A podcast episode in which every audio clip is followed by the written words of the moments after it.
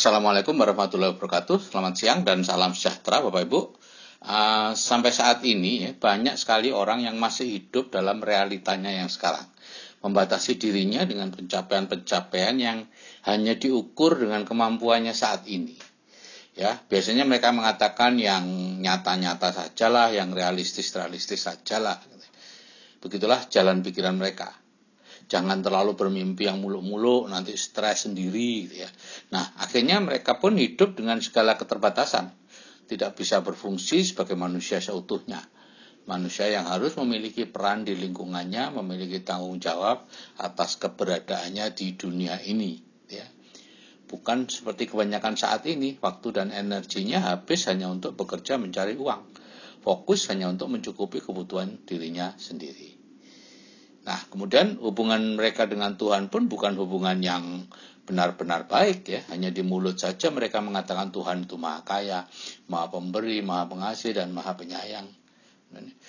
Karena mereka tidak terlalu merasakan hal itu. Ya. Yang mereka rasakan adalah kebalikannya, yaitu sesuatu yang eh, mendekati sengsara. Gitu ya. Nah, menurut Jalaluddin Rumi, kebenaran tentang Tuhan itu ibarat cermin besar yang dipegang Tuhan, jatuh ke tanah dan pecah berkeping-keping. Setiap orang memungut kepingan itu dan menganggapnya itu adalah kebenaran tentang Tuhan. Ada yang merasa takut kepada Tuhan, karena Tuhan sering digunakan orang lain untuk menakut-nakuti, supaya mereka mengikuti semua kemauan orang yang menggunakan nama Tuhan itu supaya mereka mau disetir oleh orang-orang itu. Ya. Sejak kecil mereka ditakut-takuti orang tua, gitu ya. demi menegakkan kewibawaan si orang tua sendiri digunakanlah nama Tuhan. Untuk ini dosa, nanti masuk neraka dan lain-lain. Ya. Kemudian pemuka agama kita, pemimpin-pemimpin kita juga menggunakan nama Tuhan untuk menakut-nakuti umatnya supaya mengikuti kemauan mereka. Gitu ya. Nah itulah yang terjadi akibat terus ditakut-takuti sebagian besar manusia jadi takut kepada Tuhan. Mereka takut dihukum, dan mereka hanya berani minta tolong jika amat sangat terpaksa. Selebihnya mereka mencoba menyelesaikannya sendiri. Akibatnya apa? Ya, mereka seperti sekarang ini, hidup mirip roller coaster, naik turun tanpa henti ya, semuanya diupayakan sendiri. Padahal kalau dalam banyak hal kita menyandarkan diri kepada Tuhan, maka hidup ini menjadi sangat mudah untuk dijalani. Ya. Nah, saya sebagai muslim di kitab suci saya ada ayat. Dan Tuhanmu berfirman, berdoalah kepadaku niscaya akan kuperkenankan bagimu. Yaitu Al-Ghafir ayat 60 jadi minta saja sebanyak yang Tuhan bisa memberi. Artinya apa? Tanpa batas Bapak Ibu.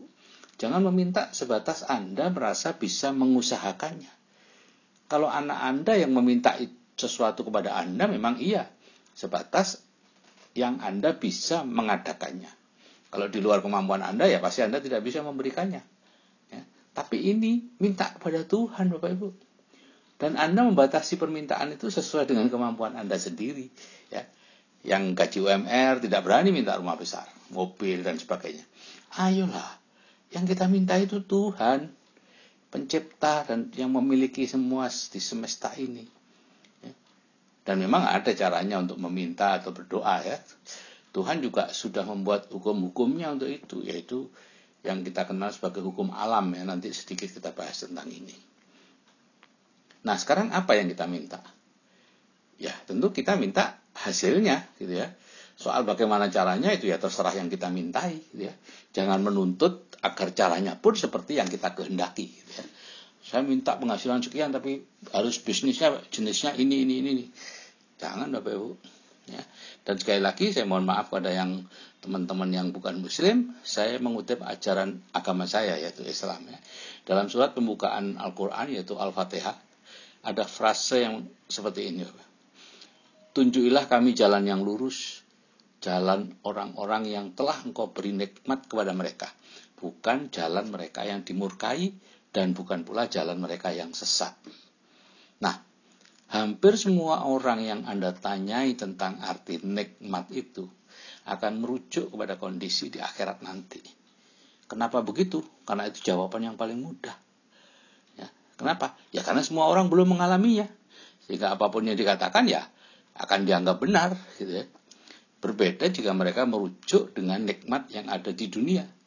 Mereka akan takut kalau ditanya balik, mengapa Anda belum mencapai itu? Padahal sudah berdoa ribuan kali. Nah, itu Bapak Ibu. Jadi meskipun kebenaran itu hanya ada di tangan Tuhan, tapi dengan sekeping kebenaran itu, mengapa kita tidak menafsirkan nikmat itu sebagai nikmat di dunia dan akhirat? Bukan hanya di akhirat saja. Dan kondisi paling nikmat di dunia adalah kondisi ketika kita tidak lagi memikirkan uang. Karena uang sudah beredar tanpa batas di kehidupan kita. Alias sudah bebas finansial dan waktu, atau kaya sejati ya, bisa melakukan apa pun yang diinginkan pergi ke mana pun dan kapan pun ingin. Itu kaya sejati bapak ibu ya. Nah bapak ibu saat ini ya sekarang ini kita bisa melakukan apa saja. Karena udara beredar bebas di sekitar kita. Kita bisa menghirupnya tanpa berpikir lagi. Sekarang bayangkan jika udara itu tidak beredar bebas dan perlu perjuangan untuk meraihnya Ya, misalnya ketika Anda sedang tenggelam. Apakah ketika tenggelam Anda masih memikirkan berapa ya skor Rusia dan Arab Saudi besok ya? Apakah Anda masih memikirkan bagaimana ya kabar adik yang sedang di jalan mudik ini ya? Kira-kira nanti melakukan apa saja jika adik saya datang? Sama sekali tidak. Anda hanya akan berusaha untuk mendapatkan udara dengan segala cara. Pikiran Anda hanya tertuju pada satu hal, yaitu udara, udara, dan udara, tidak ada lain. Nah, yang perlu Bapak Ibu ketahui, uang itu mirip udara. Jika tidak ada udara kita mati, jika tidak ada uang kita setengah mati. Enak mana mati sampai setengah mati? Ya enggak lebih enggak enak setengah mati. Ya, makanya ketika tidak ada uang, segala cara akan ditempuh agar ada uang. Omong kosong mereka yang mengatakan uang itu tidak penting. Ya, fakta membuktikan bahwa tidak adanya uang membuat kita jadi nekat. Mampu meninggalkan keluarga berbulan-bulan bahkan bertahun-tahun demi uang. Bekerja siang malam karena perlu mencari uang. Dokter pagi praktek sore bahkan sampai pagi lagi tidak lain tidak bukan karena mencari uang. Mereka sudah terjebak kepada sebuah pola hidup tertentu di mana perlu uang banyak untuk tetap membuatnya berputar sehingga mereka terus butuh uang yang lebih banyak dan lebih banyak lagi. Saya tahu mereka bekerja bukan karena senang atau hobi atau karena ingin bantu orang, ya, tapi karena ingin mendapatkan uang. Mengapa saya tahu? Karena saya sudah lama bergaul dengan orang-orang yang sudah berhasil membangun aset dan aset itu menghasilkan uang yang banyak untuk menggantikan dia. Ya. Saya kenal dengan dokter, profesor, pengusaha, direktur, pejabat dan sebagainya yang seperti itu. Dan sebagian besar mereka sudah pensiun ya, pensiun dini setelah mendapatkan penghasilan pasif yang besar. Ada satu dua yang masih bekerja, tapi dengan syarat-syarat mereka sendiri. Ya. Ada rekan spesialis penyakit dalam yang memberi syarat ke rumah sakit bahwa dia hanya mau bekerja hari Senin sampai Rabu, jam 10 sampai jam 12 siang. Jika mau silahkan, jika tidak ya tidak apa-apa. Gitu ya. Nah itulah Bapak Ibu yang disebut freedom. Anda memiliki kebebasan memilih anda baru bisa melakukan itu jika Anda punya senjatanya yaitu uang atau kaya. Saya sudah merasakan selama 12-13 tahun terakhir ini dan saya tidak ingin lagi kembali ke seperti dulu ketika saya harus terus-menerus bekerja mencari nafkah. Bapak Ibu, hak kita untuk kaya. Hak setiap orang untuk bisa kaya. Seagung apa pun orang bicara tentang kemiskinan, fakta tetap menunjukkan bahwa tidak mungkin orang menjalani kehidupan yang sempurna atau sukses kecuali dia kaya. Tidak ada orang yang bisa mencapai kemungkinan tertingginya dalam pengembangan jiwa atau bakat kecuali ia memiliki banyak uang. Diperlukan banyak hal sebagai sarana bagi seseorang untuk mengembangkan jiwa dan bakat dan ia harus punya uang untuk mendapatkan semua yang ia butuhkan. Bapak Ibu, manusia mengembangkan pikiran, jiwa, dan raganya dengan memanfaatkan berbagai cara – dan masyarakat sudah terorganisir sedemikian rupa sehingga orang harus punya uang untuk mendapatkan sarana-sarana tersebut. Karena itu dasar dari seluruh kemajuan bagi manusia seharusnya adalah ilmu menjadi kaya. Nah, di grup WA Building the Dream ini yang sekarang sudah ada sekitar 500 lebih grup, kita belajar menjadi kaya. Dan semuanya gratis Saya tidak ingin mendapat manfaat materi apa pun ketika Anda berproses untuk menjadi kaya. Saya sudah merasakan sendiri bisa freedom berkat ilmu ini. Banyak yang heran mengapa saya tidak menjual ilmu ini dengan harga mahal. Mereka tidak menyadari jika saya menjualnya dalam bentuk seminar yang mahal dan sebagainya, itu sama saja dengan mengatakan bahwa ilmu ini tidak efektif untuk bisa membuat orang kaya. Sehingga saya perlu mendapatkan uangnya dari mereka yang mau membayar mahal untuk bisa kaya. Kalau sebuah ilmu itu memang efektif bisa membuat seseorang kaya, untuk apa dijual? Toh dengan menggunakan ilmu itu kita sudah bisa kaya. Ya, itu yang dikatakan guru saya di Jakarta awal tahun 2003 dulu. Beliau mengajari kami menarik rezeki tanpa kami harus membayar. Cuma ganti buku cetak seharga tertentu yang kita masukkan ke sebuah ember tertutup taplak mirip sumbangan di tempat kematian itu ya. Nah, beliau tinggal di rumah besar dengan beberapa mobil Eropa di garasinya ya. Saya tidak akan mengatakan siapa beliau dan organisasinya apa, karena saya juga sudah lama tidak berhubungan dengan beliau. Hanya sekali itu saja saya belajar. Beliau mengatakan bahwa semua itu diperoleh dari menerapkan ilmunya itu, bukan dari menjual ilmunya dalam bentuk seminar dan lain-lain. Nah, kemudian setelah saya terapkan dan saya berhasil, freedom dan lain-lain, kemudian saya banyak lagi belajar tentang cara berpikir dan sebagainya, maka ilmu itu saya buat untuk lebih canggih dan lebih kuat lagi dan jadilah yang sekarang disebut sebagai ATBS itu yaitu audio terapi bawah sadar. Ya, yang ditambah dengan berbagai ilmu lainnya yang pasti sangat berguna untuk kehidupan Anda dan semuanya saya berikan di grup Building the Dream, grup lanjutan maupun grup JAA. Ya, semuanya gratis. Saya berusaha membuat Anda menjadi kaya dengan jalan memasukkan impian kepada pikiran bawah sadar Anda melalui audio terapi bawah sadar itu. Sementara ini ya impiannya disamakan saja deh dulu ya. Karena saya tidak bisa menemui Anda satu persatu untuk membangun impian Anda. Jadi ya disamakan saja yaitu memiliki penghasilan pasif 100 juta sebulan yang dicapai dalam waktu 2 sampai 5 tahun dan memiliki rumah yang seperti rumah saya di Batu dulu gitu ya. Nah, jangan dirubah angkanya atau waktunya karena itu membuatnya tidak bekerja. Jika dirubah, maka bawah sadar Anda tidak menganggapnya itu sebagai perintah orang ketiga, yaitu saya, melainkan perintah Anda sendiri. Jika mengenai hal lain, tidak masalah, akan dikabulkan. Tapi khusus untuk peningkatan penghasilan yang besar, hanya akan dikabulkan naik 30% dari yang sekarang. Jadi kalau Anda rubah jadi 1 miliar, sekarang penghasilan Anda 10 juta, ya cuma dapat 13 sampai 15 juta aja. Ya. Ingat Bapak Ibu, anda sedang menawan pendapat-pendapat orang yang Anda tuakan, yang sudah terkumpul di pikiran bawah sadar. Jadi untuk melawannya, perlu orang ketiga yang juga Anda tuakan. Sementara ini ya saya dulu. Jadi impian yang saya masukkan itu adalah gambaran nikmat di dunia yang bisa kita tunjukkan kepada Tuhan. Kita tunjukkan dulu apa yang kita inginkan, barulah kita meminta petunjuk kepadanya bagaimana caranya atau jalannya menuju itu, yaitu jalan yang lurus gitu ya. Sebetulnya jalan yang lurus itu sih sederhana, yaitu ikuti aja mentor gitu ya. Nah, Bapak Ibu, sekarang kita kembali ke topik, mengapa impian itu penting? Ya. Louis Carroll mengatakan, Imagination is the only weapon in the war against the reality. Ya, artinya imajinasi adalah satu-satunya senjata kita melawan realitas saat ini ya, satu-satunya Bapak Ibu ya. Jadi Bapak Ibu, kalau sekarang Bapak Ibu masih miskin, berimajinasilah bahwa Anda sudah kaya. Nanti Anda akan kaya.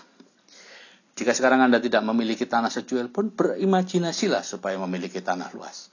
Maka Anda akan memiliki tanah yang luas. Jika Anda belum memiliki rumah yang bagus, mobil, dan sebagainya, ya berimajinasilah dan merasakan bahwa Anda sudah memiliki. Maka nanti itu akan menjadi kenyataan Anda. Caranya bagaimana? Itu bisa menjadi kenyataan Ya terserah Tuhan, memangnya Anda Tuhan yang tahu semuanya. Serahkan saja kepada Tuhan untuk mencarikan jalan yang termudah, tercepat, dan paling harmonis menuju yang Anda inginkan itu. Dengan cara apa? Ya dengan cara hukum-hukum yang Tuhan buat, ya yang disebut hukum alam itu. Nah, sekarang uh, mungkin ada yang bertanya, bagaimana sih cara kita bermimpi? Ya tidur aja, maka Anda akan bermimpi, ya. Tapi kalau pertanyaannya, bagaimana cara membuat impian? Nah, maka saya bisa jawab. Yang pertama, tulis apa saja yang Anda inginkan. Ya. Coba untuk sekarang ini buat 100 impian. Kembangkan dan ledakkan otak Anda. Karena itu tidak mudah. Sampai angka 30 mungkin masih mudah ya minta ini, minta itu, mobil, rumah, tanah, macam-macam ya. Setelah itu Anda perlu perjuangan untuk apalagi ya, apalagi ya, apalagi ya. Tapi itu perlu Bapak Ibu. Apalagi impian itu gratis. Lakukan aja 100. Insya Allah semuanya nanti akan tercapai. Ya mungkin tidak semuanya, tapi sebagian besar akan tercapai. Yang kemudian yang kedua carilah gambar-gambar yang bisa merefleksikan impian Anda itu ya, menggambarkan impian Anda. Misalnya ingin pergi ke tanah suci ya cari gambar-gambar yang mewakili tanah suci sesuai dengan agama Anda gitu ya. Setiap agama punya tanah suci sendiri-sendiri gitu ya. Yang ketiga, tempelkan gambar-gambar itu di buku impian dan sebagian di dinding impian. Berapa di sini, berapa di situ terserah saja lah. Ya. Kemudian lihat sesering mungkin dan imajinasikan bahwa Anda sudah mencapainya. Ya, masukkan diri Anda ke impian Anda. Anda nangis kalau perlu untuk kalau melihat itu, ya. Kemudian tunjukkan impian Anda kepada orang-orang yang Anda cintai. Mungkin mereka yang masih belum tahu ilmu ini akan menertawakan Anda, menganggap Anda impiannya terlalu tinggi atau apa. Ya, tapi tidak masalah. Karena itu justru akan mempercepat tercapainya impian Anda. Jadi bahwa sadar Anda itu ingin Anda hidup harmonis sehingga ketika ada ancaman untuk mempermalukan Anda, dia akan membantu Anda sepenuhnya. Kecuali jika Anda sendiri yang ragu-ragu. Ya. Dan yang keenam, terus pertahankan impian Anda dengan berkumpul dengan kelompok yang mempercayai hal-hal ini untuk saling menguatkan. Ya, contohnya ya di Building the Dream dan ikuti seminar inspirasi yang diadakan. Gitu ya. Hukum kepercayaan mengatakan, apa pun yang Anda percaya dengan sungguh-sungguh dan melibatkan emosi Anda akan menjadi kenyataan Anda. Tidak peduli agama Anda apa atau apa, kalau Anda percaya dengan doa yang Anda sampaikan, itu akan terjadi. Ya. Hukum konsentrasi mengatakan, semakin Anda memikirkan sesuatu, semakin besar energi mental yang Anda curahkan untuk itu, dan semakin kuat pengaruhnya pada perilaku Anda. Dan itu akan semakin mendekatkan pada kenyataan. Jadi kalau Anda fokus pada pekerjaan, maka Anda akan semakin bekerja keras. Kalau Anda fokus pada hasil, yaitu penghasilan pasif dan hidup nyaman, maka Anda akan mendapatkan hasilnya pula. Nah, kembali tentang impian. Ya, sudah lama diadakan penelitian di Amerika. ya Jadi satu angkatan mahasiswa yang baru lulus, itu ditanya, apa rencana ke depannya? Nah, menarik hasilnya. 60% mengatakan tidak memiliki rencana apa-apa. 27% memiliki rencana yang samar-samar, 10% memiliki rencana jelas, dan yang 3% selain memiliki rencana jelas, mereka juga menuliskan rencana-rencananya itu. Dan 20 tahun kemudian pihak peneliti melacak kembali para mahasiswa tadi dan meneliti tingkat kehidupan mereka. Ternyata posisi terbawah yaitu hidup serba pas-pasan dialami oleh 60 orang yang 60% yang tidak memiliki rencana apa-apa itu itu. Ya mungkin kalau sekarang ya P7 lah pergi pagi pulang petang penghasilan pas-pasan. Kemudian yang 27% itu ada di atasnya sosial ekonominya.